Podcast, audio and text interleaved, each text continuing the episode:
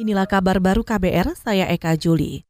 Saudara pemerintah memutuskan mengurangi denda dalam draft rancangan Undang-Undang Perlindungan Data Pribadi yang diserahkan ke Dewan Perwakilan Rakyat DPR. Draft itu mengurangi denda maksimal menjadi 70 miliar rupiah bagi pihak yang melanggar aturan data pribadi. Berbeda dari draft sebelumnya, draft terbaru juga menyertakan denda pidana dengan kunjungan penjara terbesar tujuh tahun. Denda berlaku bagi setiap orang yang sengaja menggunakan data pribadi yang bukan miliknya, sengaja memalsukan data pribadi. Denda ini juga melarang orang yang memperoleh atau mengumpulkan data pribadi yang bukan miliknya dan menjual atau membeli data pribadi orang lain. Kita ke soal virus corona.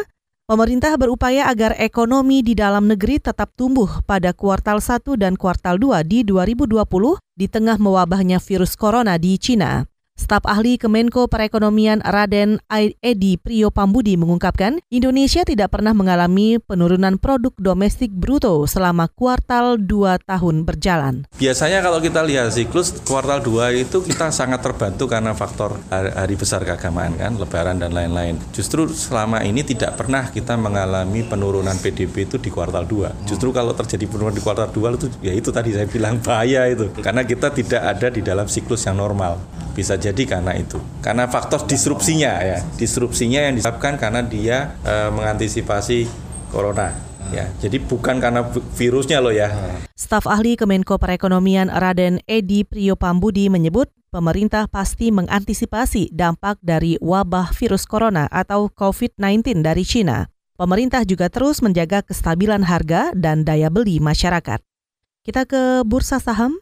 Indeks harga saham gabungan atau IHSG di Bursa Efek Indonesia dibuka melemah 14,23 poin atau 0,24 persen ke posisi 5.857,72 pada perdagangan hari ini. Penurunan juga terjadi di kelompok 45 saham unggulan atau indeks LQ45 yang bergerak turun 4,6 poin menjadi 949,61.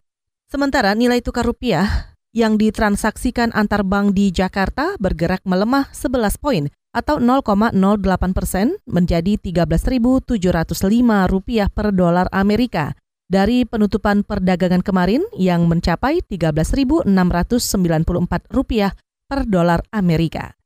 Saudara demikian kabar baru, saya Eka Juli.